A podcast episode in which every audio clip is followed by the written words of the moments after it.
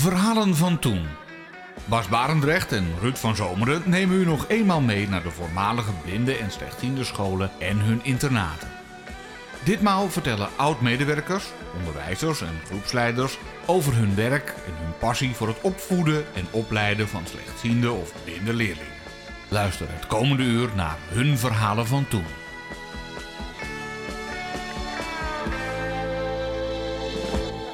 Goedemiddag en hartelijk welkom bij de derde en laatste serie Verhalen van Toen, waarin we, zoals aangegeven, gaan praten met oud-medewerkers van blinde en slechtziende scholen of hun internaten. Bij wijze van bruggetje met de vorige serie Verhalen van Toen, vandaag een oud-leerling en later een oud-medewerker van het Protestants-Christelijke Blindeninstituut Bartimeus in Zeist, Corrie Doelman. Aan het eind van de Tweede Wereldoorlog kwam zij, net blind geworden, op Bartimeus en deed daar haar opleiding. Eind jaren 50 ging ze naar de kweekschool en begin jaren 60 belandde ze uiteindelijk als onderwijzeres op het Blindeninstituut in Zeist. Ruim 20 jaar gaf ze vol passie les aan haar blinde leerlingen. Ze had er echt alles voor over. Helaas moest ze, begin jaren 80, om gezondheidsredenen haar werk neerleggen. Dat spijt er nu nog.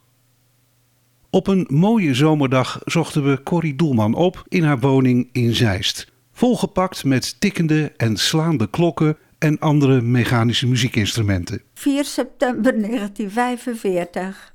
Bartimeus was een jaar uh, gesloten geweest vanwege de oorlog en werd uh, in september heropend. Eerst kwamen, nou ja, dat wist ik toen natuurlijk nog niet, de leerlingen die al op Bartimeus uh, waren geweest ook een jaar thuis gezeten vanwege de oorlog en de treinstaking natuurlijk. Dat was de voornaamste reden waarom ze thuis waren. En toen kwamen zo langzamerhand uh, nieuwelingen. En da daar was ik dus bij op 4 september. Ik ben in 1936 geboren. Ik ging in 1942 als normaalziende leerling naar school in Vlaardingen. En in 1944 heb ik dus een ongeluk gehad. Uh, toen uh, Duitsers die bij ons ingekwartierd waren op de boerderij, op een middag een projectiel gingen bekijken. Dat bleek een, ja, of je nou een antitankwapen, antitankgranaat noemt, een panzervuist. Uh, die stonden in de kring op het erf. Ik was erg nieuwsgierig. Ik ging daarbij staan. En uh, ja, toen heeft waarschijnlijk, of het is wel zeker, iemand op een knopje gedrukt, is dat ding afgegaan. En uh, de militair die naast mij stond, uh, die heeft het niet overleefd. Ik gelukkig wel. Maar ik was wel meteen dus blind. En nou ja, naar het ziekenhuis. Zeven weken in het ziekenhuis gelegen, één oog eruit gehaald. En ja, het was 1944. Ja, ik bedoel, mijn ouders die, hadden nog nooit een blinde gezien wat, wat, wat dat verder moest. Zij woonden op een boerderij, dus aan eten was geen gebrek. Het was wel anders dan anders. En wij uh, moesten ook de, de, de bonnen gebruiken, weet je, voor allerlei artikelen, allerlei levensmiddelen. Maar ja, we hadden melk, we maakten stiekem kaas en boter. Dus wat dat betreft uh, kwamen we niks tekort. Ik had contact met mijn onderwijzeres van de ziende school. Nou, werkelijk, als je dat nu bekijkt, een geweldig, ja, geweldig persoon geweest. Want die heeft notabene van iemand braille geleerd. En zij kwam mij dus weer thuis onderwijs geven. Ik kreeg mondeling les. Ze leerde me braaien. Ze leerde me ook prikken met, uh, op de lei. En verder deden we dus mondeling rekenen. En ik moest versjes leren. Ze leerde me breien. En nou ja, waarschijnlijk is er toen contact geweest uh, met onze huisarts. Ja, naar Bartimeus toe. En toen was het ineens van ja, dat ik naar het Blindeninstituut kon na de oorlog. Het was alleen zo, toen we bericht kregen dat ik naar Bartimeus kon. Ja, je moest wel uh, dit en dat uh, hebben aan, uh, aan ondergoed enzovoort. En waar haalden we dat vandaan? Want in de winkels was dat niet meer te koop. Ik had een oom en tante die kinderloos waren, ook op een boerderij woonden. En eh, veel klanten hadden die daar ook melk kwamen halen. Nou ja, op een gegeven moment werd er dan vaak niet meer betaald. Maar dan eh, kwamen de mensen met lappen stof of weet ik wat aan.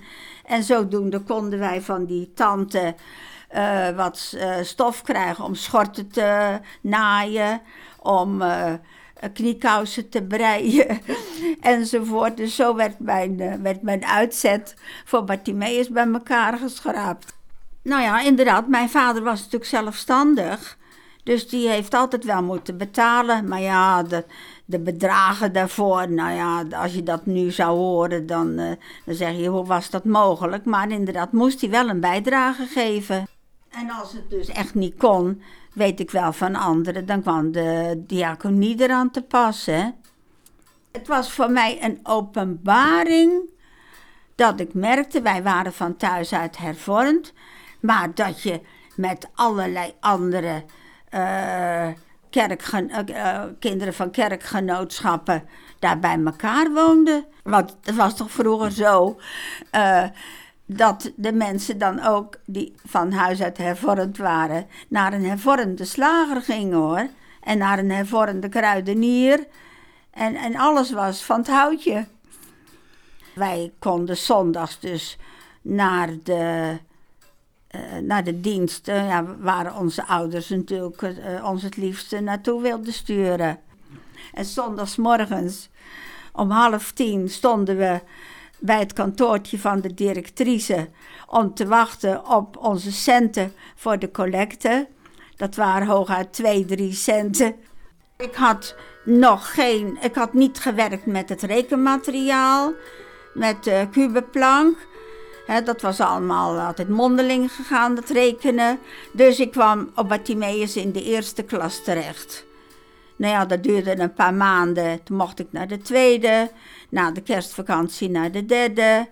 En na de zomervakantie naar de vierde. Nou, toen was ik intussen tien jaar. Dus ik was eigenlijk weer, uh, weer op niveau. En uh, nou ja, na de kijk, vijfde klas was er de mogelijkheid om naar de MULO te gaan.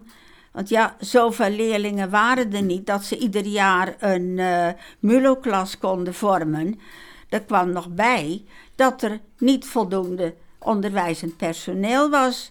Want het onderwijzend personeel van de lagere school gaf ook les aan het voortgezet onderwijs.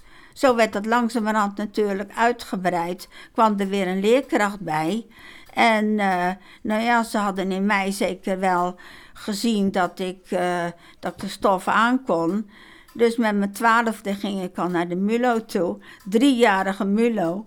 Dus met mijn vijftiende deed ik al eindexamen. En dan was het vanzelfsprekend dat je, uh, als het even kon, kantooropleiding ging doen. Als je de MULO gedaan had, ja, dan was je daar natuurlijk wat toe in staat. Dus ik kreeg toen Engelse handelscorrespondentie, Nederlandse handelscorrespondentie, Duitse handelscorrespondentie, middenstand. Je leerde typen.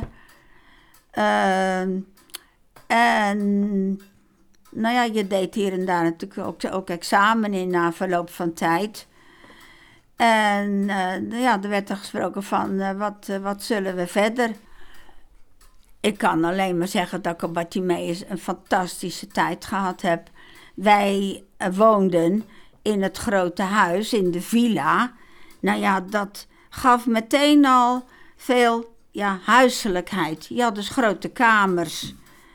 En uh, ja, dat, dat deed al gewoon heel gezellig en heel knus aan. We hadden een directrice, schat van de mens die werkelijk zo, ja, vooruitstrevend was. Natuurlijk hadden we wel een straf, maar die, ja, die bestond dan uit uh, uh, vanavond om zeven uur naar bed. Ja, we gingen altijd al vroeg naar bed, maar nee, er mocht er niet voorgelezen worden. Ja, of je, ja, wat hebben we wel eens meer meegemaakt? Ja, ja, niet praten aan tafel. Uh, of alleen eten. Maar uh, verder, nee, ik kan echt niet zeggen dat het, uh, dat het de barbaars naartoe ging. Heus niet, nee.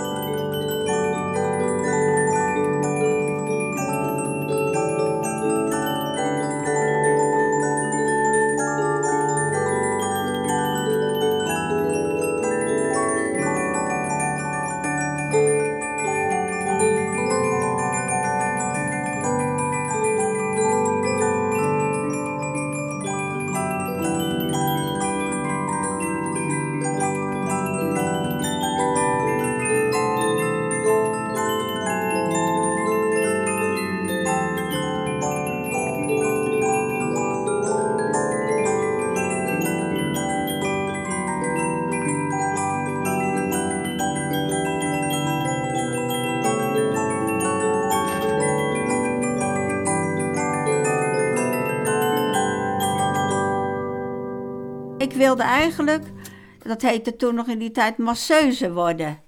Maar ja, dat kon niet, want ik had helemaal geen, uh, geen wiskunde of zo gedaan. Bij ons was er alleen maar gelegenheid. In die tijd dan voor uh, de talen. Hè, en, en, natuurkunde, adreskunde, geschiedenis. En handelsrekenen. Maar verder de wiskunde, nee, dat, dat, daar was geen gelegenheid voor, dus dat had ik niet gehad. En zodoende kon ik niet aan die studie beginnen.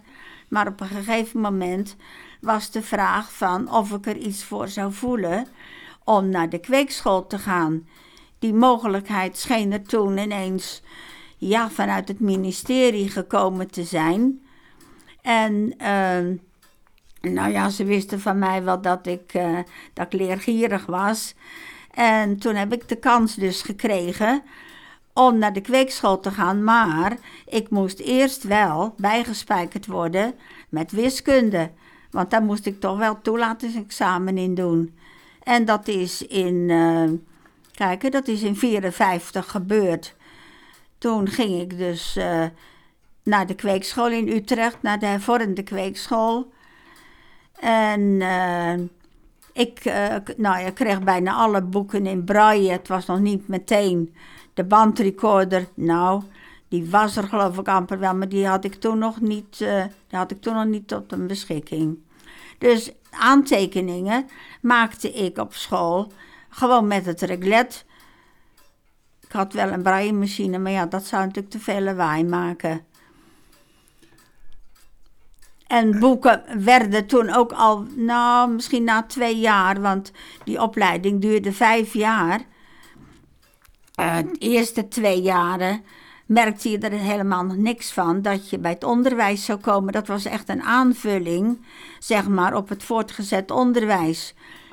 Want in de derde klas kwamen er jongelui bij die de ABS hadden gedaan of, of gymnasium. En dan begon je eigenlijk pas met uh, de vakken die je nodig had om les te kunnen geven. Eigenlijk zou ik zeggen heel vanzelfsprekend. Ik geloof dat het voor mij meer een openbaring was dan voor hen. En er was een uh, wiskundeleraar en die ging notabene ook braille leren van mij. Want dan kon hij de, de opgave, als we een overhoring kregen, kon hij in braille aan mij geven. Heel aandoenlijk. En ik weet nog wel, de eerste dag Uh, ja, het was op een gegeven moment pauze. En uh, we gingen, men ging naar buiten. En ik dacht, jongens, ja, wat moet ik nu? Dus ik zei tegen een van de leerlingen: Mag ik zo meteen ook met jullie mee naar buiten? Nou ja, diegene die dat toen vroeg, of uh, met wie ik contact had, dat is nu nog steeds mijn vriendin. Daar ben ik al 61 jaar dus bevriend mee. En uh, ja, ik, ik had gewoon leuke contacten. Dan mocht ik met die een weekend mee. En ze kwamen ook een weekend op Bartimeus. Dat vonden zij op hun beurt natuurlijk weer een openbaring. Ik ging iedere dag met de bus naar Utrecht. Iemand van personeel uh, zette mij s morgens Utrechtse weg over. En ik ging met de bus naar Utrecht. En als ik terugkwam, nou ja, dan kon ik Bartimeus wel vinden. Ik had wel een, uh, een blinde stok, maar echt ermee lopen, dat, dat kon ik toen nog niet. Want we, hadden op Bartimeus nog geen stoklooples. Dat kwam pas in 58, 59.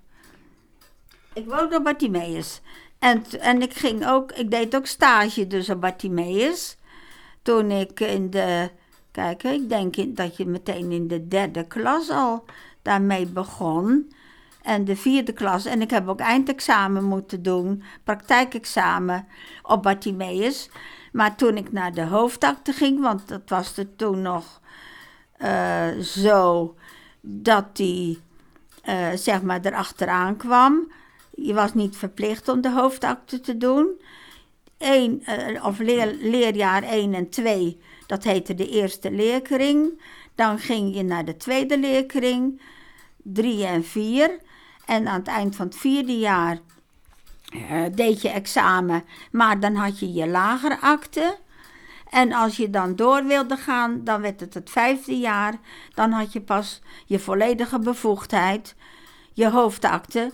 De meisjes haakten meestal af na het vierde jaar, want die, die, die dachten nou ja, dat ze toch wel zouden trouwen. Maar als je getrouwd was, mocht je niet meer voor de klas staan. Dat was in die tijd nog zo. Nou ja, dat zat er van mij niet in, dus ik, ik uh, ging de vijfde klas doen. Maar vonden ze op Bartimeus beter dat ik dan extern zou worden. Omdat ik natuurlijk toch veelal ja, tussen mijn lotgenoten daar uh, bivakkeerde.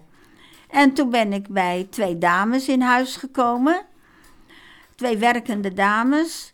Uh, maar ik moest de eerste, de beste avond dat ik daar was, de weg leren naar de bus. Want ik moest natuurlijk uh, iedere dag naar de kweekschool toe. En degene die me dat leerde, was degene die op Bartimeus het hoofd van de linnenkamer was.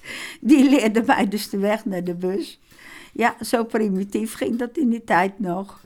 En toen moest ik ook in dat vijfde jaar hier en daar hospiteren. Hier in Zeist op een gewone lagere school en op een BLO-school. En ik ben ook, uh, nou ja, een maand of wat in Bussum geweest. Ik ben 17 dagen op het Blindeninstituut in Duren geweest. En ook in Ermelo ben ik op de bibliotheek geweest. Dus uh, allerlei uh, ja, praktische dingen meegemaakt. Maar kijk, het was natuurlijk wel zo dat ze mij, nou ja, ik zal niet zeggen expres, maar dat het natuurlijk achteraf goed is geweest dat ik eerst die kantooropleiding heb gedaan. Want stel je voor dat het experiment niet zou slagen, dat ik dat niet zou volbrengen op die kweekschool, dan, dan zou ik natuurlijk weinig uh, ondergrond hebben. Dus als dat misgegaan zou zijn, dan had ik altijd nog mijn, uh, mijn handelscorrespondenties achter de hand. In die tijd wist ik daar nog niet van, totdat ik dus in, in Bussum kwam. En daar was Riet van Drunen. Die was bezig met de opleiding. En die zou gaan lesgeven op de Schansenberg hè, voor uh, revalidanten. Bartimeus hadden we er twee, geloof ik, die gingen naar, de reguliere, naar het reguliere voortgezet onderwijs. Maar meer was er eigenlijk nog niet van. Dus het was nog niet, uh, niet normaal dat je eh, na de basis of na de lagere school naar de reguliere voortgezette opleiding ging. Ik had op de kweekschool mijn zogenaamde ziende schrijfmachine staan. Dus als er een eh, repetitie was, dan kon ik gewoon meedoen. Ja, nou ja, woordenboeken. Ik ging op school wel eens, wel eens woorden opzoeken, want ik had zelf geen woordenboek in braille. En uh, ik had natuurlijk stage, dus dan moest je ook lessen voorbereiden. Ja, en dan, ik, ik was dol op biologielessen. In ieder geval, ja, om zoveel mogelijk dingen ook te laten zien. Daar was ik altijd op uit.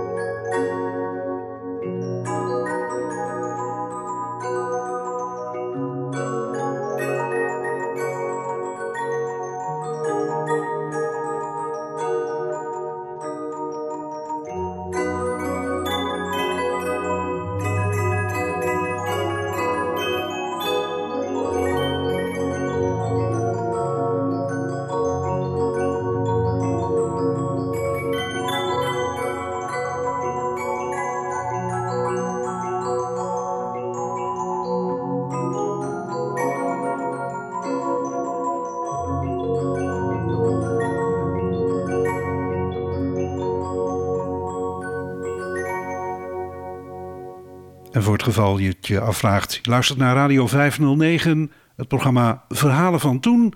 Vandaag met Corrie Doelman. Ik had dus in het jaar 58, uh, toen ik uh, met de hoofdakte bezig was, was ik dus extern geworden. Had ik bij die dames gewoond.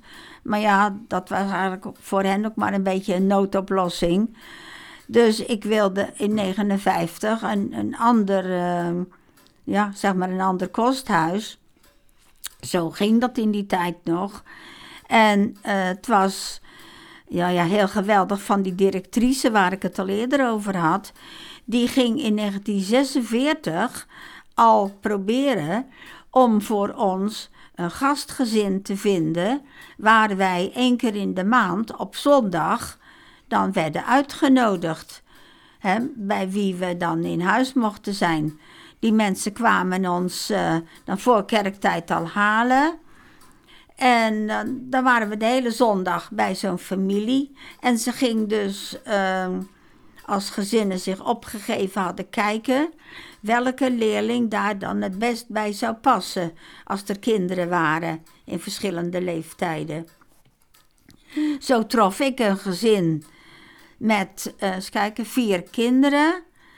En Kijk, nou, die zaten geloof ik allemaal al bij het voortgezet onderwijs. Die vader was zelf bij het onderwijs.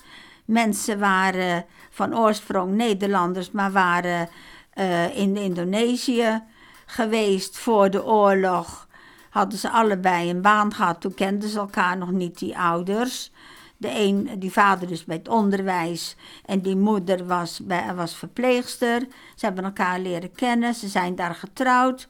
Ze hebben daar de kinderen gekregen, hebben ook in het Jappenkamp gezeten. Uh, zijn in nou, begin 46 denk ik gerepatrieerd en kwamen in Zeist terecht. Die hadden zich opgegeven dus als gastgezin. En daar ben ik dus toevallig terechtgekomen. Nou ja, ik heb het er geweldig naar mijn zin gehad altijd. En toen zei die moeder: Als onze kinderen de deur uit zijn, is er een plaatsje bij ons. Dan hebben wij wel een kamer voor je. Zo gebeurde dat dan in 59. Toen ben ik dus weer, of weer, toen ben ik bij hen in huis gekomen. Dus waren ze verhuisd. En ik ging elke morgen met meneer mee uh, nou ja, zo halverwege, want hij ging naar zijn school. En ik liep dus uh, door een paar straatjes om ook naar Bartimeus te gaan. Uh, in de middagpauze ging ik 1, 2, 3 met de bus. Want de school op Bartimeus duurde van 9 uur tot half 1. En begon pas weer om half 3. En bij die meneer sloot de school s morgens 12 uur en hij begon weer om 2 uur. Dus dat kwam altijd een beetje ongelukkig uit met het eten. Want als ik daar kwam, ja, was het ongeveer 1 uur. Dan hadden zij de maaltijd erop zitten, want meneer wilde graag nog even rusten. En dan gingen wij samen tegen twee uur weer op pad om ieder naar de eigen school te gaan. Maar ja, ik ging s'avonds natuurlijk ook nog wel eens weg. En, en, dan kwam ik eh, een beetje laat thuis. En dan hoorde ik de volgende dag: Nou, jij was gisteravond ook niet vroeg thuis. Op een gegeven moment dacht ik: Jongens, ja, maar hier hoor ik toch eigenlijk niet meer. Ze zijn mij eigenlijk nu nog een beetje aan het bevoogden, terwijl ik intussen wel 23 ben geworden en geen kind meer van 10 jaar ben. Dus er moest een andere oplossing gevonden worden. En die kwam er toen uh, op de een of andere manier uh, kwam ik terecht bij een uh, gezin waar ze meerdere kamerbewoners hadden. Uh, kijk, daar zaten we. Dat, was, dat vond ik zo gezellig. S'avonds met z'n negen aan tafel voor de warme maaltijd. Nou, dat, dat, vond ik ontzettend leuk. Ik zorgde zelf voor de broodmaaltijd. Maar s'morgens om half negen uh, verliet ik het huis. Het was aan de Prins Alexanderweg. Een collega van mij uit Amersfoort kwam met de auto langs, stak even de weg over, pikte mij op, nam me mee naar Bartimeus en smiddags na schooltijd om half vijf, uh, dan gingen we weer naar huis. Hij nam me mee, zette me af en uh, ik was weer thuis. Ik hoorde natuurlijk van collega's die uh, ja, toch ook veelal in een kosthuis zaten. Dat die op een gegeven moment een, zeg maar, een verdieping ergens huurde. En uh, toen zei ik op een gegeven moment, nou, ja, ik zou toch eigenlijk ook wel iets voor mezelf willen. Drie weken later kreeg ik de mededeling, uh, er komt een huisje vrij op Steniahof en jij hebt voorrang. Want degene die het aanbood, ging hier weg. Zij was zelf bij het onderwijs, dus zij gunde dat aan mij. Uh, het feest is doorgegaan. Mijn vader heeft uh, hypotheek genomen op zijn eigen huis. En uh, ik ben hier 13 december 1963, ik had dus nog maar vier jaar gewerkt, al op Steenhof komen wonen.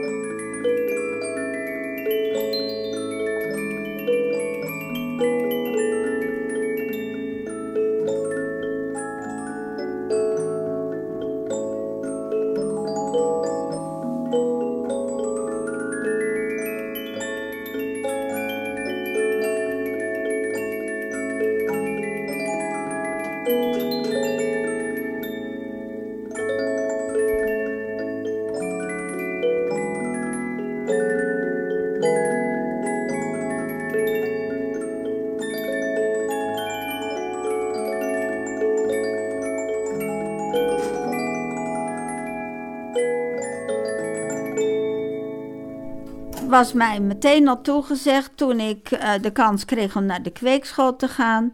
Nou ja, als het allemaal uh, gaat lukken, dan uh, krijg jij bij onze Bartimeus een plaatsje als onderwijzeres. Dus dat was, daar was ik al zeker van. Dat je ja, contact hebt in zoverre dat er veel verteld wordt. Want ja, ik zei altijd, jongens, als ik jullie niet hoor, dan bestaan jullie niet voor mij. Dus uh, ja, ik zal niet zeggen dat het al door praten was in de klas, maar ik wilde toch wel heel veel contact met ze. En ik wilde graag leerlingen, nou ja, zo in de leeftijd van acht jaar, dat je wat kwijt kunt. He, dat ze zelf ook het een en ander kunnen vertellen. Dat, je niet, dat het niet eenrichtingverkeer is. En ik, ja, wat ik zeg, je, je wordt zo uh, gespitst op alles wat er gebeurt. Want als je dan wat vroeg, dan kon ik al gauw merken of ze met hun hoofd op de bank lagen of zo, hè. Ja, je, je, wist precies, ja, je, je kende je pappenheimers wel, hoor. Ja, zeker wel. En uh, daarom had ik wel eens een, uh, een klasseassistent, bijvoorbeeld bij, ja, bij, bij handenarbeid. Ja, daar, daar hield ik erg van. Ik heb de kweekschool mijn, mijn aantekening gehaald. Maar ja, om met vier handen aan een werkstukje te zitten en dan ook nog iets, iets uit te leggen, dat valt natuurlijk niet mee. En ook het bedenken want het was bij mij dan wel zo. Uh, ik kon niet iets van leerlingen vragen als ik het eerst niet zelf had uitgeprobeerd. Dus ik, ik was altijd aan het, ja, aan het fantaseren. Geen minuut ging er verloren als het ware. Uh, van wat moet ik nou de volgende keer weer eens doen met, met handenarbeid? Wat is haalbaar? Nou, ik heb mijn vader ook nog alles in moeten schakelen. Die mocht dan dingen uh, van karton uitknippen, want dan hadden we een werkweek gehad op Tessel, want er was een vakantieboerderij. En dan liet ik mijn leerlingen natuurlijk schelpen zoeken. En met die schelpen gingen, gingen we dan iets uh, doen met handenarbeid. Bijvoorbeeld een, uh, een, een, rondje beplakken of een bloempot beplakken met, met schelpen. En, en, zo werden er allerlei dingen verzonnen. En van zilverpapier, zeg maar, aluminiumfolie, kralen vormen. En dan natuurlijk weer rijgen en uh, hoe heet het, vouwen. Daar was ik ook altijd gek op. Met vouwblaadjes. En we deden ook wel dingen met raffia. En, en natuurlijk boetseren. Ik geloof het ergens wel. Dat ze gauwer iets aan mij ja, vertelde dan, dan aan die ziende collega. Ja, omdat ze dat van mij natuurlijk ook wisten. Ik, ik liet ze ook, uh, iedere vakantie schreef ik, een, uh, schreef ik ze een braillebrief.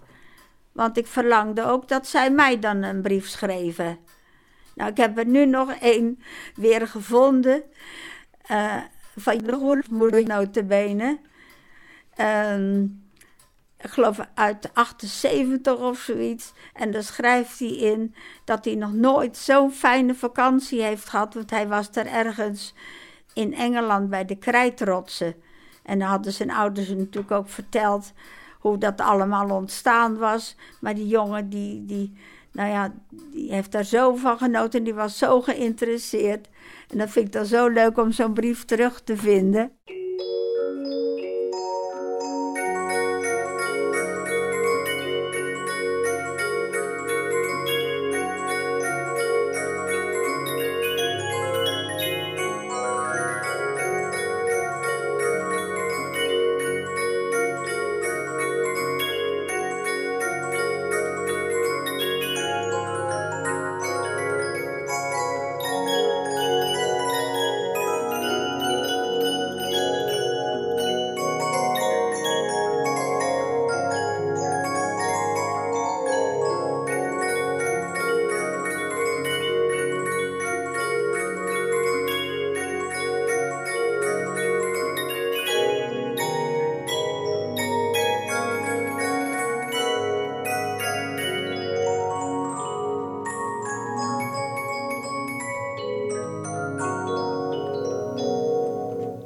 Van toen met het verhaal van Corrie Doelman, onderwijzeres op het Blindeninstituut Bartimeus in Zeist.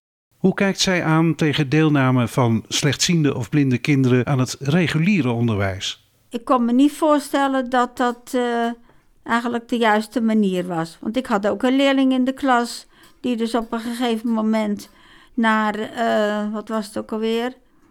Koevoorde, ja, kwam ze vandaan. Die ouders, uh, ja, die namen het kind dus van Bartimeus en ze ging daar naar het reguliere onderwijs. Ja, dat was een heel vreemde gewaarwording hoor. Uh, ik kan het dus uitleggen. Uh, zij stuurde dan af en toe een uh, gesproken brief, zeg maar. En ja, dan vertelde ze toch ook dat ze, nou ja, dat ze thuis zat na school en dat ze geen vriendjes of vriendinnetjes had. Dus dat bezwaar, ja, dat kleefde er toch wel aan. zo hier en daar, dat er weinig contact was buiten eh, de, de schooltijden om met, met ziende kinderen. En er is dus een fusie. Hè? Dus we hadden Bartimeus op een gegeven moment de slechtziende school en de braille school. Maar uh, dat is dus samengevoegd. Hè? Dus de blinde kinderen zaten ook gewoon bij de ziende leerlingen of bij de slechtziende leerlingen. Dat is nu, nu heel gewoon. Maar uh, ja, ik ben nog steeds bang dat blinde kinderen toch niet helemaal aan hun trekken komen in deze situatie. Is de Bartimeus dan hoor. Blinde kinderen hoorden, hoorden op de blindenschool. En we hadden natuurlijk ook wel slechtziende kinderen erbij in het begin. En die kregen dan ook nog een beetje low vision, hebben we ook nog gehad. Dat die toch wel apart nog wat uh, ziend konden lezen. En die verlichting is op gang gekomen daarbij. Maar ik, uh, nee, ik, ik ken helaas op het ogenblik geen voorbeelden. Hè, dat ik het uh, van dichterbij nu kan aanhoren hoe dat tegenwoordig gaat. Ik vroeg onlangs eens, hoe, hoe rekenen ze nou toch eigenlijk tegenwoordig? zeg maar, uh, nou ja, laten we gewoon maar zeggen op Bartimeus. Iemand zei me, ja, ze, ze werken nu eh, voornamelijk met de abacus. En wij hadden vroeger natuurlijk de kubeplank. Dat het allemaal veel gemakkelijker, uh, ja, de leerkracht kan ja, kunnen meekijken tegenwoordig. En ze, kunnen, ze hoeven geen braille meer te leren. Dat vind ik dan wel een manco. Want ik heb onlangs gehoord dat iemand die al lang met pensioen is op Bartimeus... Uh, komt om, om, om leerlingen braille te leren. Dat het onderwijs en personeel dus niet eens meer het braille beheerst. Nou, dat vind ik toch wel een manco. Louis Braille staat nog steeds hoog aangeschreven bij mij hoor. Ik spreek nog wel uh, af en toe twee leerlingen. Met wie ik de, die dus bij mij de eerste leerlingen waren toen ik begon in 59. En die zijn, die zijn nu ook de 60 al gepasseerd. En uh, wat ik zeggen, ze herinneren zich ook nog allerlei dingen natuurlijk van vroeger die we dan meemaakten. Hè, ik, ik was er dol op om uh, zeg maar, leuke dingen, ja, gezellige dingen te doen. Ik, ik wilde, één keer in de week hadden we dan zeg een soort uh, ja, bekijkles. Dan nam ik altijd allerlei dingen mee hè, om te laten zien. Vaak in het klein natuurlijk. Maar dat ze van allerlei figuren, ja, ook raden natuurlijk, wat is dit en wat is dat. Uh, daar heb ik altijd heel veel uh, ja, tijd ingestoken. En, en ook een dicté met geluiden. Dan ging ik hier, uh, zeg maar, had je nog een fluitketel en doortrekken van toilet en zo. En dan moesten ze, als ze dat geluid dan hoorden, daar een zinnetje weer over opschrijven. Dat werd dus een geluidsdicté. En ik ben zelf ook in uh, 82 voor het eerst uh, naar de wintersport gegaan langlaufen, omdat ik dacht, ja, Ik kan het niet aan mijn leerlingen verkopen dat die mogelijkheid er als ik het zelf niet eerst geprobeerd heb. Nou ja, dat heeft helaas dus maar twee jaar mogen duren. Want toen ik uh, geopereerd was, ja, toen, uh, toen ging dat natuurlijk niet meer zoals ik het gewend was. In uh, 83 kreeg ik een hersentumor, een zogenaamde brughoektumor. En uh, ja, helaas, helaas moest ik niet alleen geopereerd worden, maar zou ik mijn gehoor links moeten opgeven. Anders konden ze de tumor niet weghalen.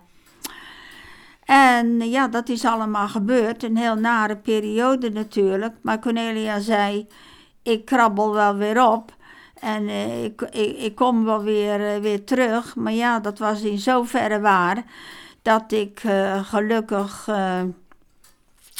weer aardig mijn zaakjes kon doen, maar ik kon helaas niet meer lesgeven. Want dat gehoor, ja, dat betekent natuurlijk zoveel. Ik kan geen richting horen. Ik, mijn oriëntatie gaat achteruit. Dus ik werd in 85 afgekeurd. En dat hield dus in dat ik eigenlijk maar, nou maar, dat ik zo'n 25 jaar op Bartimeus les heb kunnen geven. Oh, dat was, nou ja, alles was negatief natuurlijk. Dit kon ik niet meer, zei ik dan. En dat kon ik niet meer. En ja, wat moet ik nou? En kon ik nog wel zelfstandig blijven wonen? Uh, ja, nee, heel erg. En ik voelde me schuldig. Ik voelde me schuldig dat ik niet werkte. Ja, nee, dat is, dat is zo'n gekke gewaarwording. Ja, nee, dat kon volgens mij niet. En alleen als Bartimeus vakantie had, voelde ik me ook vrij.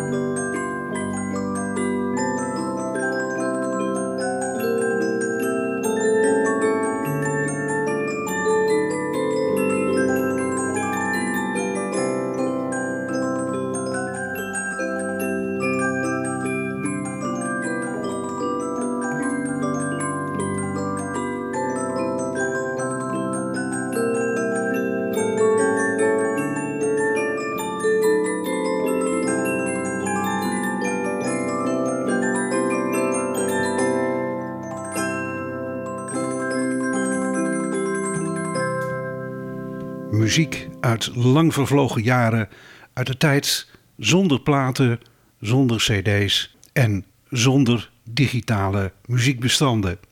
Deze muziek omlijstte het verhaal van Corrie Doelman, onderwijzeres aan het Blinde Instituut Bartimeus in Zeist. Tot zover de verhalen van toen voor vandaag. Volgende week zijn we er weer, 12 uur, Radio 509. Tot dan. Verhalen van Toen is een programma van Ruud van Zomeren en Bas Barendrecht. Meer informatie is te vinden op www.radio509.nl